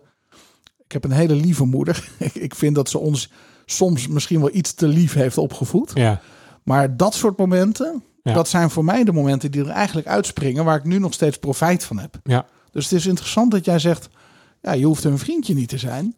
Ze hoeven het niet met je eens te zijn. Nee. Kijk, en, eh, En ik snap dat hier een heel eh, scala. Precies. Hè? Ja, maar we, we kunnen. Ja, ik vind je kunt beter wat harder en wat meer weerstand Ja. eh, Ja, in de man-vrouw verhouding met name. Hè. Dus de Ja. vrouw mag van mij wat milder zijn. De man moet van mij wat harder zijn. ja, Eh, mijn, mijn moeder was ook onverbiddelijk. Want eh, ik won mijn eerste judo-wedstrijd en toen dacht ik van, eh ik ga heel de buurt af en de grootste jongen, kom maar op, weet je wel. Dus ik had achter in de tuin zo'n zo'n soort ring gemaakt van, oké, de grootste vent uitgedaagd. En ik werd helemaal in elkaar geslagen achter in de tuin. En ik weet dat door, de, eh, door het keukenraam mijn moeder zat te kijken en ik, ik oogcontact had van, nou kom mij maar redden. En ze draaide om en ze liep weg. Dus later kwam ik bloedend en huilend kwam ik binnen. Ik was een jaar of dertien. En toen zei ze van, ja Erwin, je mag een grote bek hebben, maar dan moet je hem wel waarmaken. Dus dat is ook een van de dingen die ik altijd roep. Grote bek is prima, maar Ja. je moet hem wel waarmaken. De consequenties zijn voor jou. Ja, dus Ja. iedereen zegt, ah, dat is niet normaal. En dan denk ik, maar zoveel jaar na dato is me dat zo bijgebleven. Dat ik denk, daar ben ik zoveel beter van geworden. Ja. Dus als je Karaktervorming. dat beseft als ouder, van, en dan moet je het maar wegslikken. Hè? Van, eh, van nee, ik breng je niet naar school, loop maar weg ga naar de wc en, en, en, en doe daar maar shit. Ik had zei ik weg willen brengen, maar ik moet het niet doen, ik moet het niet doen. Want we zijn ook gewired om continu die veiligheid op te zoeken. Ondernemen is ook topsport. Ja, Ehm, als we teruggaan naar die zes pijlers. ja, Neem, zou je ons mee willen nemen even door die zes pijlers? Ja. En dan zou ik daarna graag met jou willen kijken, Erwin. Ik heb me aangemeld voor het Rewire-project. 6 mei gaat het beginnen. Doet je collega mee trouwens? Ja, ja, ja. Oh, die doet ja, ook mee. Ja, Goed zo. Bert. Ja, Ja, leuk. ja die, gaat, die wil heel graag meedoen. Goed zo. Ehm, voeding, Ja. training, werk, arbeid, rustverhouding en slaap. Sociale contacten, sociale mediacontacten. Omgeving. Ja, weerbaarheid, mentaal en fysiek. Ja. Voeding hebben we al behandeld. Ja. Ehm, dan zeg je training. Ja. Het tweede, om een goede leider te zijn, Ja. is dat lijf moet aan de slag. Ja. Wat is, waarom is het belangrijk en wat, wat versta je onder training? Want Ja, precies. daar kunnen we natuurlijk ook nog eh, ja, van ja mening verschillen. ik, dan zal ik niet te lang eh, op, op de inhoud echt gaan, maar, maar zeg maar de, de, de 10.000 stappen is je tanden poetsen, zeg ik altijd. Hè, dus mensen denken, ja, ik heb 10.000 stappen gemaakt vandaag. Ja, maar dat is niet trainen. Dat is gewoon, je hebt het minimale bewogen wat je moet bewegen. Dus trainen is echt eh, planmatig in een overload prikkels toedienen die jouw lijf letterlijk sterker maken. Ja. En als mensen gaan trainen, is er één tip. En dat is eigenlijk de holy grail van het trainen, voornamelijk ook voor mannen, hè, is dat sterk zijn. En in relatie tot sterk zijn, dus een beetje spiermassa. En dat wil niet zeggen allemaal een mens health lijf of whatever, of een bodybuilder. Dat zijn die spectrum. Daar wordt er dan vaak gezegd, maar dat, dat is niet waar. Maar binnen jouw geneset kijken van hoe sterk kan dit geneset, hè, mijn geneset eigenlijk zijn. Ja. Eh, dat, dat is trainen. Ja. En er is een spectrum. En eh, ik noem het even snel. eh, je hebt elite fitness. En je moet binnen je eigen mogelijkheden streven naar jouw elite fitness. En hoe dat er dan uitziet, dat gaan we dus bekijken. Ja. Dat is dus niet kijken naar een ander. Nee. En ik, ik heb daar ook geen oordeel over van, dan moet je dus zoveel kilo tillen. Nee, dat, is, dat gaat niet. We gaan kijken van, oké, we gaan trainen. En wat is jouw lijf, waartoe is jouw lijf eh, toe in staat? Het is wel die grens dus opzoeken. Ja, Het is echt gaan tot het maximale. ja, Want dan ben je ja, aan het trainen naar de capaciteit die je hebt. ja, en dat geeft je dus heel veel informatie over wie je bent en wat je kan en wie je uiteindelijk wil zijn. En, en dat klinkt dan weer heel, dat je denkt, nou, dan heb je weer zo'n gym rat, weet je wel, van eh, natuurlijk, maar die, die barbell, die gaat jou echt heel veel vertellen. Gewoon met Ja. je lijf bezig zijn. Ja. Ten eerste wordt er heel veel bullshit weggekapt op het moment dat je echt hard gaat trainen. En komen er andere processen vrij. En, en, en die chemie, die gun ik dus iedereen. Ja. Hè, want eh, en, en, ja, ik, toevallig werd ik eh, pas nog getipt van dat ze mij in een Amerikaanse podcast eh, over CrossFit noemden ze mij nog. En dat is 15 jaar geleden. Pat Sherwood, Adrian Boss, dat zijn de coryfeeën van CrossFit. Die hadden het over andere objecten tillen. En in één keer kwam mijn naam voorbij van, ja, weet je nog, die, die Nederlander Erwin van Beek from Holland. Tough individual. En toen beschreven ze dus dat ze mij zagen trainen. En dat is 15 jaar eh, na dato, wordt dat dan in een podcast Heerlijk. genoemd. Dus ik heb hem een mail gestuurd, want ik heb daar zes maanden met hem getraind. Ja. man, hij zegt, dat weet ik nog steeds. Maar, maar dat gun ik dus iedereen. Omdat, het, omdat ik weet, en elke topsporter of eh, mensen die echt hard trainen zullen dat vertellen, hoeveel het je leert, zeg maar. Per definitie. ja. Zonder informatie te krijgen. tegenkomen. Gewoon zelf tegen. Maar wel met de juiste begeleiding. Ja, dat is wel cruciaal. Ja, en kracht staat altijd voorop. Dus kracht Ja. en power output staat altijd voorop. Maar bij CrossFit is het een combinatie hè, met veel setjes, hartslagverhogend, Ja, kort dat, op de adem. maar dat is meer de sportkant. Ja. Hè, dus eh, training, kijk, dat, kijk trainen, eh, ja, Maar als we het aan jou vragen, zeg je voor jou, eigenlijk zou iedereen moeten gaan crossfitten. Daar zit de combinatie. Ja, iedereen Ja. is misschien overdreven, Nee, nee, nee. maar Nou ja, kijk, eh, eh, iedereen moet functioneel gaan trainen. Ja. En, en CrossFit is een verzamelnaam. eh, en ik heb weer een eigen visie op dat CrossFit-verhaal. En die visie hebben we weer in een, als een blueprint gebruikt in het trainingsmateriaal voor Rewire. ja, En dat blijkt gewoon heel goed te werken. perfect. Dus compound, gericht op kracht en volume. Eh, veel, en eigenlijk een dubbelfunctie. Dus het leert heel veel over jezelf. En je bouwt een lijf op. En als je daar omheen ook nog structuren, disciplines en die neuroplasticiteit gaat trainen. Gaat er echt iets veranderen? ziektebeelden verdwijnen. eh, eh, mensen, mensen krijgen echt letterlijk in twaalf weken een, een reset wat hun hele leven verandert. Wauw. Ja. Dan werk. Ja. De derde pijler. Ja, die staat eigenlijk in combinatie met eh, sociale omgeving. Dus je Ja, eh, eh, heel veel, ik weet niet wat het percentage is, maar je, je hebt natuurlijk heel veel percentueel gezien spendeer je op de werkvloer. Ja, je bent meer met je collega's dan met je partner. Bijvoorbeeld, dus wat is die omgeving? Mm. Maar ook wat je doet. Wat, wat zijn je werkomstandigheden dan? Ja, Dus als wij dat helemaal gaan ontleden, dan kom je erachter of daar, hè, want die zes pijlers zijn eigenlijk hè, zes schuiven die je als Ja. DJ in balans moet gaan brengen met de doelstellingen die je hebt. ja, En we kwamen er bijvoorbeeld achter dat eh, een, ehm, een jonge gast van 25, die kwam bij mij en die had al 20 psychologen gezien. Zat helemaal vast in zijn, in zijn, in zijn kop. Wat bleek nou? Eh, was die wel volhardend? Ja, was hij wel volhardend. Ja, maar niemand kon hem helpen en hij was eigenlijk de weg kwijt. Wauw. En wat bleek nu? Dat dus de werkpijler eigenlijk eh, de, de sleutel was tot het geheel. Want hij Mm. zat in een familiebedrijf vast, eh, wat hij helemaal niet wilde. Mm. Dus ik was die spiegel toen. En toen we dat eens gingen bekijken in die zes pijlers, zeg ik, maar volgens mij wil je dat werk helemaal niet doen. Nee, dat wil ik ook niet. Ik zeg, maar waarom maken we dan niet een plan om ander werk te gaan doen? En daar is hij dus uit. Eh, en natuurlijk hebben we ook zijn voeding aangepast, want hij dronk volgens mij eh, 40, 40 espresso's per dag. Eh, maar die combinatie was dus de sleutel naar zijn succes. Ja, Hè, dus in onze projecten zeggen we ja, hard trainen, iedereen op zijn niveau. Maar het trainen moet nooit paranoia worden. Voeding moet nooit paranoia worden. Werk moet nooit paranoia worden. Want dan de werk schuiven omhoog en de rest onderwaarderen. Nou, dat is je burn-out tegemoet lopen. Ja. Dat herkent iedereen. ja, Maar ook zo met voeding. Want je loopt zo een, eh, een, eh, eh, de, de, de eetstoornis tegemoet. Ja, op het moment dat je daar helemaal... daar zijn zat voorbeelden van in de topsport. Ab- absoluut. Ik, heb, ik heb zelfs vrouwen gehad die mij teksten vanuit de kliniek.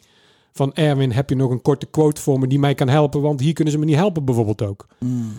Dus, en ik kan heel veel dingen heel hard roepen. Want ik ben, ik ben en geen psycholoog, ik ben en geen voedingsdeskundige. Maar ik heb absoluut heel veel verstand van functioneel fitness, elite fitness en persoonlijk leiderschap. Ja, En hoe je dat dan opbouwt. precies. Dus ik kan dan ook gewoon zeggen van, ja, maar dit niet en dit wel. Ja, En heel veel mensen, eh, doktoren en psychologen, durven niks meer te zeggen. Dat is eigenlijk luisteren. En ten eerste krijg jij een stempel slachtoffer op je voorhoofd, weet je wel. ja jij kan er niks aan doen. Dus je bent jij kan er niks aan doen en ik ga jou nu aaien, want je kan er ook niks aan doen. En dan gaan we in gesprek brengen met allemaal mensen die er allemaal niks aan kunnen doen, maar allemaal slachtoffer zijn. Terwijl ik zeg, ja maar, en dan komt die omgeving dus, eh, je moet dus uit die omgeving. Ja, Dus ik noem maar wat. Je hebt een drankprobleem. AA, heel goed. Samen praten. Of je hebt PTSS. Eh, platform wat, wat daarover praat. Heel goed. Maar daarna moet je dus dingen gaan doen. En een van die dingen is een omgeving zoeken waarin niemand dat probleem heeft en iedereen anders denkt. ja, Want jouw hersenen gaan zich aanpassen aan de mensen die dus anders denken. ja.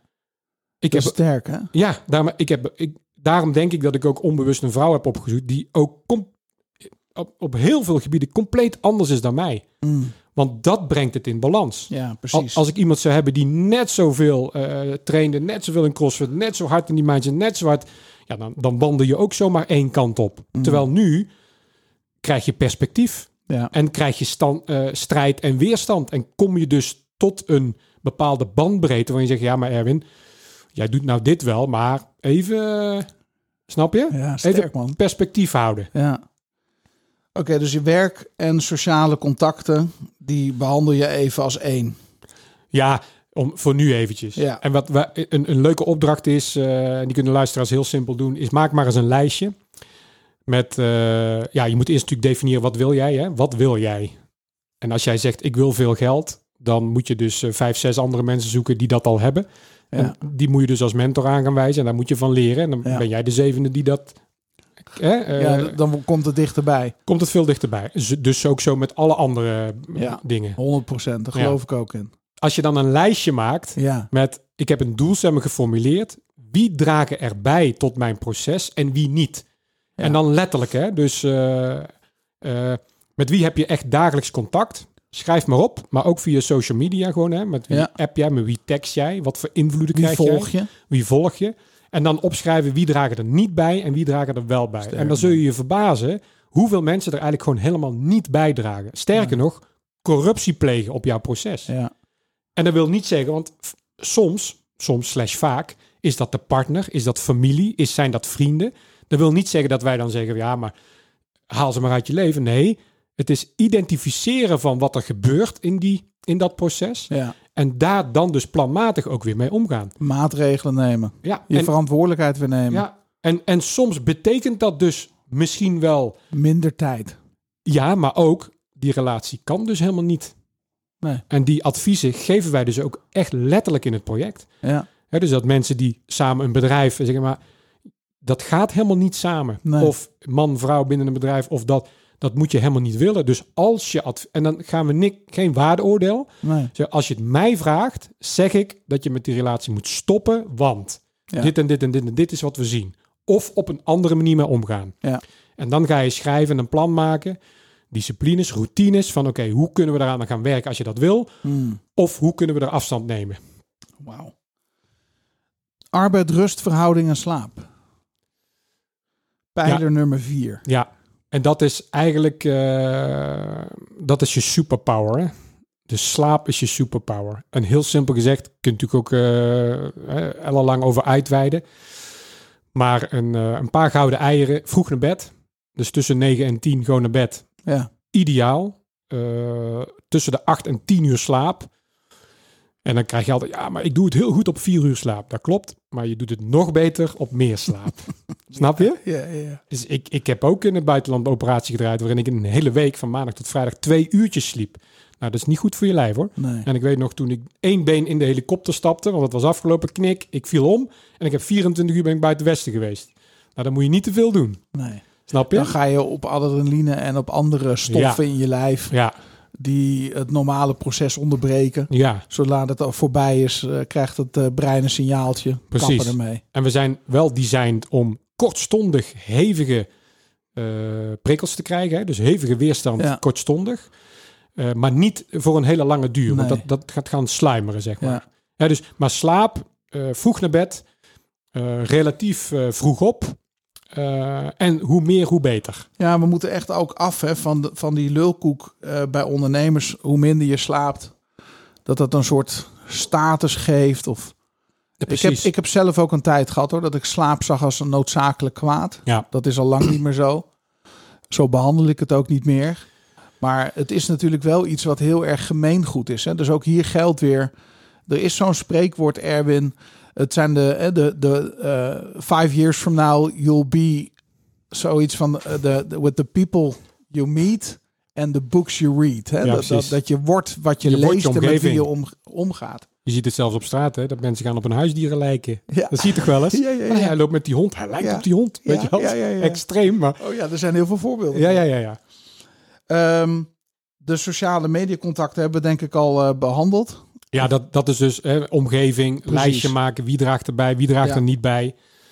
En de weerbaarheid, eh, mentaal en fysiek. Ja, men, die resilience pijler is echt de mentale weerbaarheid. Ja. Dus eigenlijk als je eh, die vijf pijlers op orde hebt, Krijg je dan, nummer zes. Ja, dan krijg je nummer zes. En nu komt de, het gouden ei eigenlijk, is dat wij blueprints hebben gevonden uit de werelden waarin ik kom. Ja. Om te zeggen, maar je kunt hem ook als standalone pijler gewoon aanleren. Mm.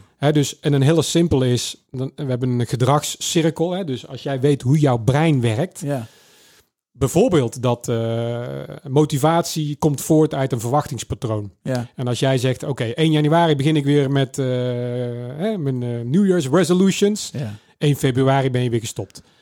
Dat is geconditioneerd, dan wordt het concept in jouw hoofd. Onbewust. Dus jij denkt december, hey, we gaan weer 1 januari. Maar eigenlijk is jouw hele brein al eh, gehypnotiseerd en ge- geconstrueerd op 1 februari stop ik toch weer. Ja. Terwijl jij nu denkt, nee, maar nu ben ik echt gemotiveerd. Maar je bent niet gemotiveerd. En waarom niet? Omdat dat verwachtingspatroon al anders bepaalt. Ja. Onbewust. En dat verwachtingspatroon komt weer voort uit een visualisatie. En als die visualisatie maar sterk genoeg zijn, wordt het een soort van eh, zenuwstelsel wat in jou zit. Hè? Dus het concept is waarheid. Dat is jouw waarheid. En dat is die self-fulfilling prophecy waar we het Ja. dan over hebben. Ja, dus als jij denkt ook van, hé, hey, ja, maar heel mijn familie is een beetje eh, overweight en dus zit het in mijn genen en snap je? Dan, Mm. dan heb je dus nooit de echte motivatie die nodig hebt om iets te veranderen. Nee, dat gaat niet werken. Nee, Want dus de macht ligt niet bij jou. precies. Niet in Je jou- hebt hem al weggegeven. Voor jou, precies. En Ja. ondanks, en da- dan zie je dat die entiteiten eigenlijk scheiden. Dus dan heb je een, een cognitief brein wat in december zegt, ja, maar nu ben ik echt gemotiveerd. Maar een onderbewust brein, wat 90% van jouw brein is, die zegt, ja, wacht even Daan, maar dat gaan we natuurlijk niet doen.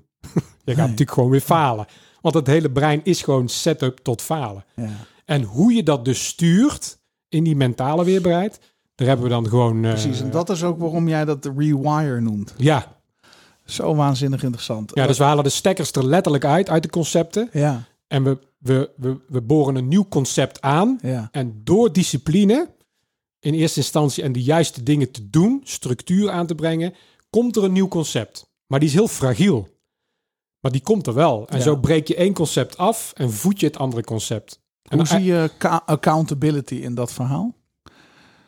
Is dat iets waarvan je zegt, joh, dat is tijdelijk houdbaar, maar nodig? Of is dat iets wat permanent aan bloot, waar je permanent aan zelf moet blootstellen?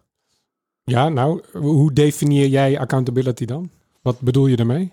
Nou, kijk, ik kan me voorstellen dat als ik, eh, ik heb me aangemeld voor het Rewire-project, Ja, ga er vol voor. ja.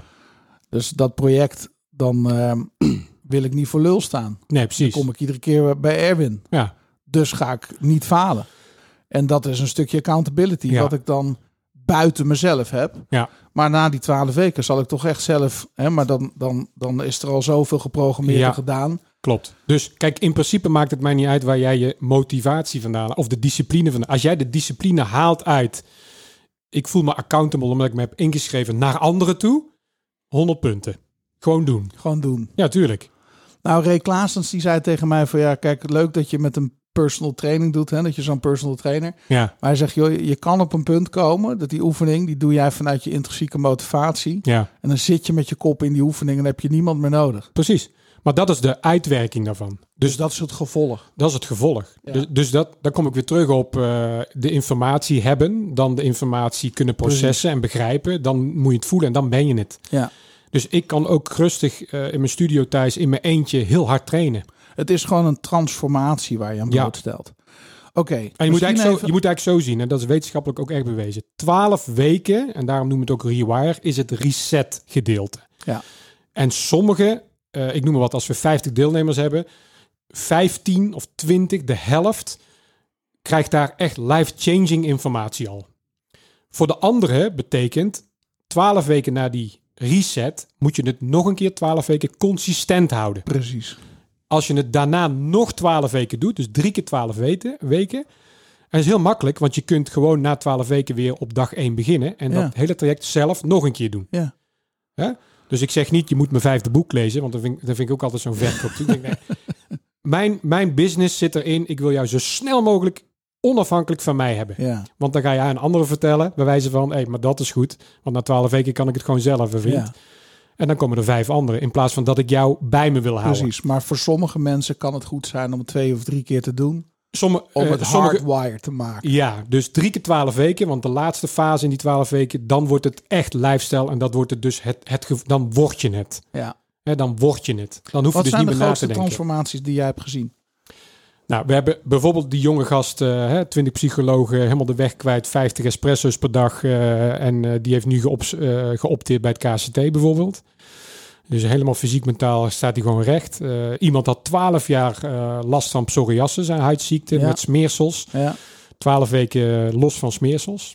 Eh, dus 12 jaar lang. Eh, dames met eh, ha- haaruitval of huidziekte, ja, voedingsreset, eh, structuur aanbrengen, eh, opgelost. Diabetes type 2, eh, wat 90% gewoon een lifestyle ziekte is. Draaien we gemiddeld in zeven weken terug. Dus mensen die insulinespuiten hebben, zeven weken later geen insuline meer nodig.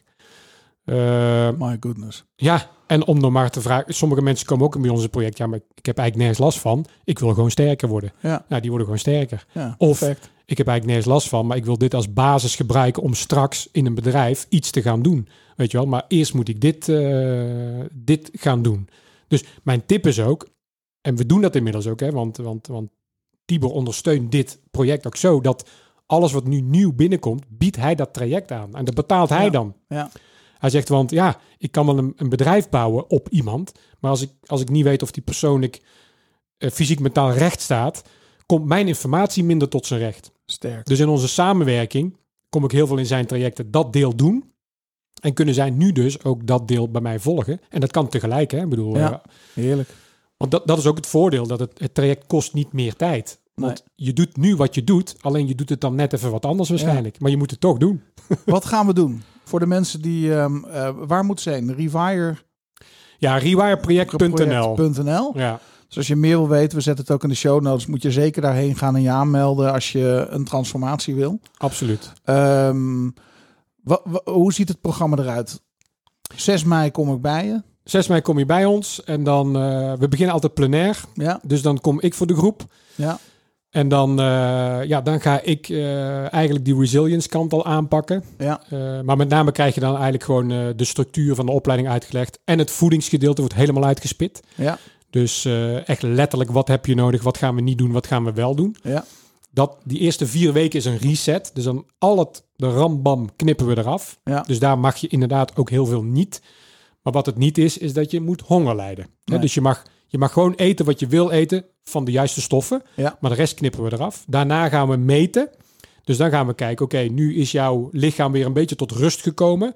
Veel minder ontstoken door alle externe geproceste rotzooi. ja. Ehm, en dan gaan we kijken, wat doet voeding dan met jou? En dan kan je testen wat je wil. Dus als jij zegt, ja, maar Erwin, ik vind witte rijst altijd zo lekker. Oké, maar dan de informatie van wat doet witte rijst met jou is best wel interessant, toch? Ja. Dus dan prikken we nuchter, prikken we een eh, eh, bloed. Dat doe je allemaal zelf in een protocol. Dan eet jij een bepaalde hoeveelheid aan witte rijst alleen. En dan ga je kijken wat je bloedsuikerspiegel is. En dan zie je dus precies hoe jouw lijf reageert op die voedingsstof. Fantastisch. En zo pakken we verschillende voedingsstoffen. En dan weet jij, hé, hey, maar dit ga ik, gaat mijn lijf eigenlijk niet heel slecht op reageren. Dus dat kan ik dan best wel her en der eten.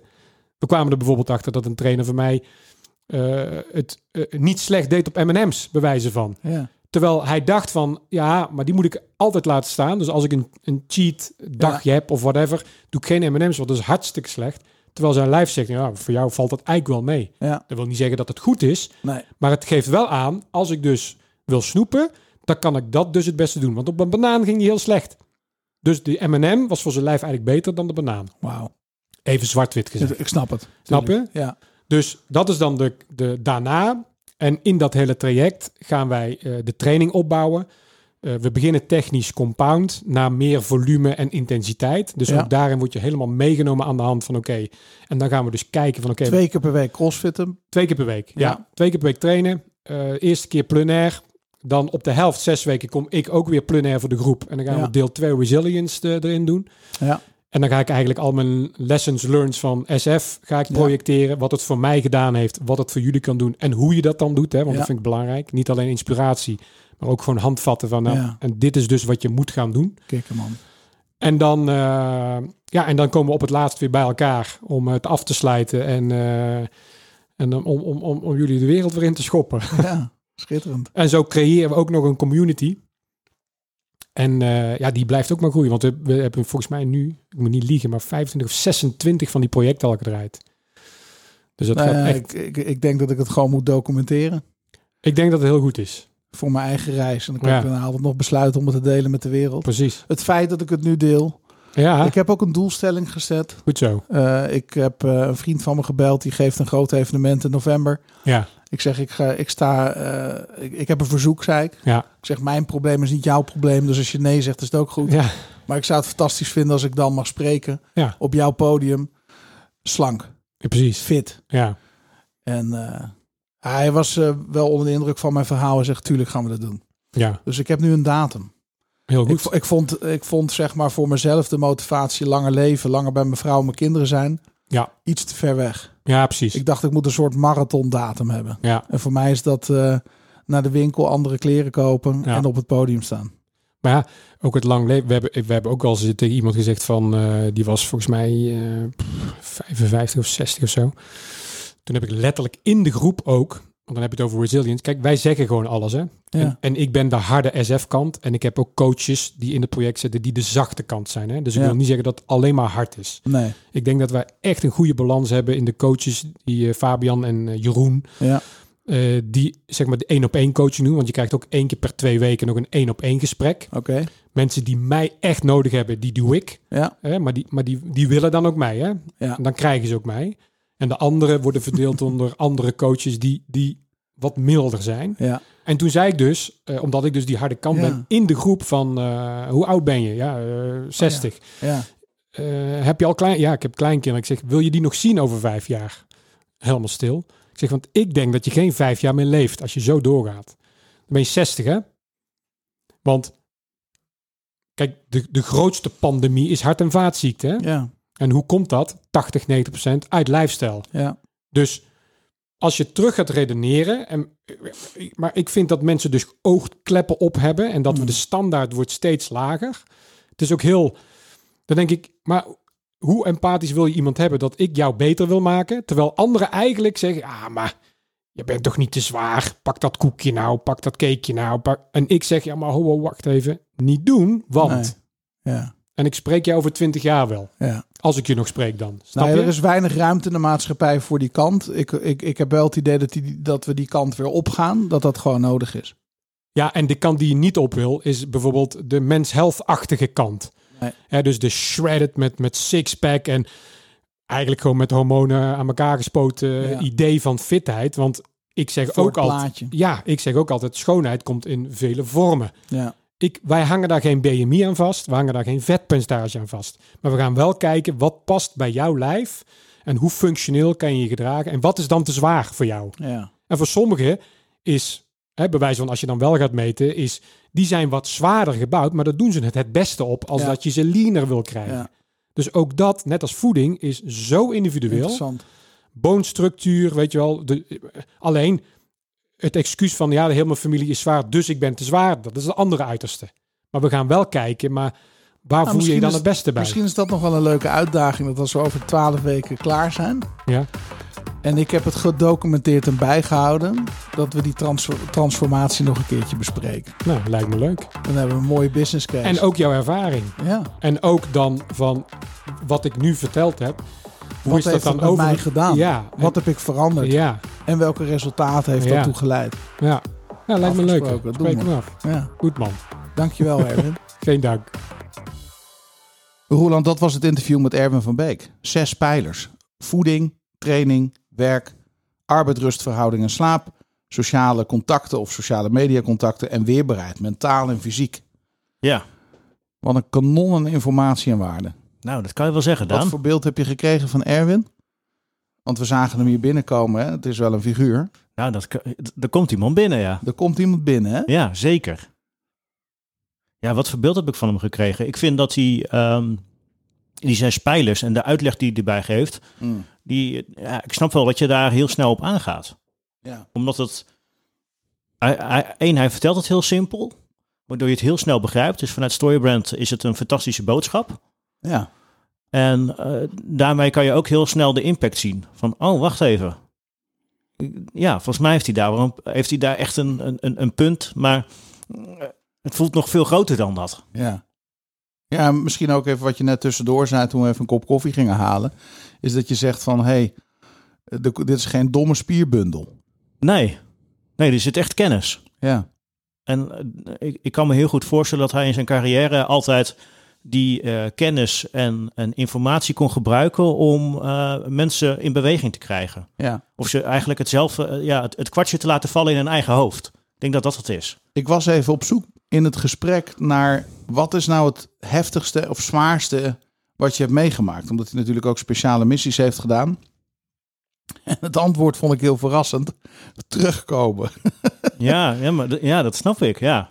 De buren die ruzie maken over de kliko die net iets te ver eh, aan de weg staat. Ja, ja, ja precies. En, Dat- en even die opmerking die hij maakte van ik gun iedereen een oorlog. Ja, En, en ik snap die, hè, van, van, van het terugbrengen in de, het perspectief van het leven. nou ja, precies. Eh, Kijk, ik denk dat het niet uitmaakt ehm, waar je wordt geboren op de wereld. Dat je, je hebt altijd problemen. Ja, Of je nou in Afrika wordt geboren of in Europa of waar dan ook. En hoeveel geld je op de bankrekening hebt staan. Uiteindelijk heeft iedereen altijd zijn eigen problemen. ja. 100 procent. Wat ik heel mooi vond van het Rewire, wat hij vertelde, is dat je dus eh, onderzoek gaat doen naar, ehm, naar die voeding. En wat goede en slechte voeding is specifiek voor jou. Omdat we eigenlijk, we weten wel ongeveer hoe het eh, menselijk lichaam werkt en hoe die spijsvertering werkt. Maar wat dan hele goede voeding voor jou is en voor mij, Hm, daar kan een groot verschil in zitten. ja, Dus waar krijg jij energie van? Dat is misschien voor mij heel slecht of voor mij lastig verteerbaar. Versus ehm, andersom. ja, 100 procent. Dat is ook waanzinnig interessant. En het is dus maatwerk. Ja, En het gaat dus om jou. nou eh, precies. Ja, We, we hebben komend weekend gaan we eten met, eh, met wat vrienden.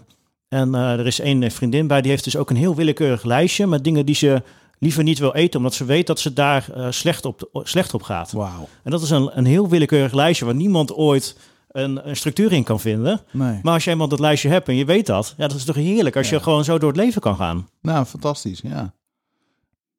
Nou, dat is ook een van de dingen waar ik naar uitzie in het Rewire-project. Dat, ehm, die, dat ik die, eh, die bloedsuikers moet gaan prikken.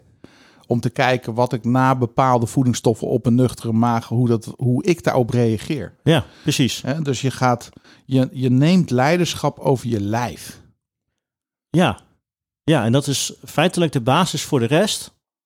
Ja, Omdat je, dat is eigenlijk de enige waar je controle over hebt. ja. It's not gonna be easy, it's gonna be fucking hard. Maar hè, ik ga ervoor. Ja, zeker. Ja. Maar ja, tegelijkertijd is het ook, eh, ik, ik zou het ook zien als een stukje nieuwsgierigheid. Ja, Omdat je jezelf en je lichaam dus nog veel beter gaat leren kennen. dat is het. En eh, dat Mooi je, gezegd. dat je dan kan zeggen van, oh, maar ik ga nu even die koffie niet drinken. Want ik weet als ik nu die koffie pak, dan gaat dat, heeft dat dit effect op mijn lichaam. Ja. Eh, Daar begin ik niet aan. Nou ja, ik ben in aanloop hier naar, naar dit project toe eh, al anders eh, bewuster eh, eh, aan het opstellen ten opzichte van eten en drinken. Dingen laten staan, dingen anders nemen, eerder ehm, ehm, ehm, gezonde thee in plaats van koffie, meer water drinken. Eh, Ja, ik denk dat ik al wel ge- bovengemiddeld veel groente eet. En dan ook echt gezonde groenten, ongespoten, et cetera. Dat, dat, dat heb ik echt... eh, Nou weet je, er is zo'n graadmeter voor hoeveel gram je per dag moet eten. Daar zit ik meestal keer twee boven. Netjes. Omdat ik daar ontzettend van hou. Fruit heb ik wat minder mee. Ehm, Maar, maar dat kan ook. ga, ik, ga ik ook minder goed op. Ja, maar dat is toch ja, is prima als je dat weet. Maar bij mij zit de verleiding vaak in de wijntjes en de kaasjes en de borrels en de etentjes en het onregelmatige. Ja, precies. En dan kan ik de maat niet houden. Ja. Tenminste, dan hou ik de maat niet. Hè. Dat is een keuze. Ja. Maar daar heb ik wel zin in. Dus eh, ja, Erwin, eh, ontzettend bedankt dat je ons zo uitgedaagd hebt. Roeland, wij staan over een paar weken weer twee dagen samen op het podium. Ja, Overigens op een nieuwe locatie. Dat vind ik wel heel cool. Ja. We hebben jarenlang gestaan in, ehm, eh, op de Zuidas in Amsterdam. In een pand wat ons hart heeft gestolen, het atrium. ja. Alleen om allerlei redenen waren we op zoek naar met name een nieuwe zaal. Ja, Dit was een zaal waar jij en ik eh, beneden stonden en we omhoog tegen de mensen moesten kijken. En te weinig bewegingsvrijheid hadden. ja, en qua licht was het vaak een uitdaging. Ja, qua was- licht. Ja, ja. precies. Ja, Het heeft ons heel veel gebracht. Hè? Het was een soort bioscoopzaal. Dus, dus fantastisch. Maar die zaal die we nu hebben bij het nieuwe Van der Valk op de Zuidas in Amsterdam. My goodness, wat vet. ja die is prachtig. Echt heel mooi. Ik heb er onwijs veel zin in. Er zijn nog een paar kaarten over ehm, op het moment dat deze podcast uitkomt. Ehm, wat wil jij zeggen tegen de luisteraar die zegt van... hey, dat storybrand, ik geloof daarin... maar waarom zou ik moeten komen naar een tweedaagse met Daan en Roeland? Ehm, oh, dat is heel simpel. Je wil gewoon meer weten over marketing en je marketingboodschap begrijpen en op papier zetten. Ja, Zodat je niet die struggle meer hebt de hele tijd. mooi. Lekker simpel. Ik Ja. had van de week belde iemand mij die zegt: Ik ken Storybrand nu twee jaar. En ik heb eindelijk mijn website Storybrand Proof gemaakt. En we hebben nu twee keer zoveel leads. Wauw. En de kwaliteit van de lead is hoger. En hij zei eigenlijk: Wat stom dat ik dit niet eerder heb gedaan. Oh, heerlijk. En dat is misschien ook een mooie reden. Van als je die resultaten echt wil verbeteren, dan kom eh, twee dagen met mij in Roeland werken, met ons team werken. En ehm, het is een groep van ongeveer 30 man. Ja. Want we hebben eh, deze keer besloten, we willen gewoon niet meer dan dat in de zaal hebben, zodat we het volle aandacht kunnen geven en iedereen naar buiten kunnen sturen met dit soort idioot grote resultaten. Een ticket is nu 995 euro. Dat is echt helemaal niks voor twee dagen. Nee, echt niet. Dat is gewoon een no-brainer. Dus ga naar storybrand.nl. Ben je een trouwe fan van deze podcast en heb je zoiets van ik wil dat een keer meemaken? Koop dan nu snel je ticket voor ehm, de tweedaagse. eh 5 en 6 juni is het uit mijn hoofd. Of 6 en 7, wat is het? Zal ik even snel spieken? Eén seconde. Ik weet, ik weet het ook niet. Ik weet het ook niet meer uit mijn hoofd. Nee. Eh, Het zijn 6 en 7 juni. 6 en 7. Ja, dat, ja. Alright. Dankjewel voor het luisteren. Ehm, ben je fan van deze podcast? Stuur hem door naar wat vrienden en vriendinnen. Eh, geef het door aan je collega-marketeers en ondernemers. Dan zijn we je eeuwig dankbaar. Roland, ik zie je volgende week. Tot volgende week.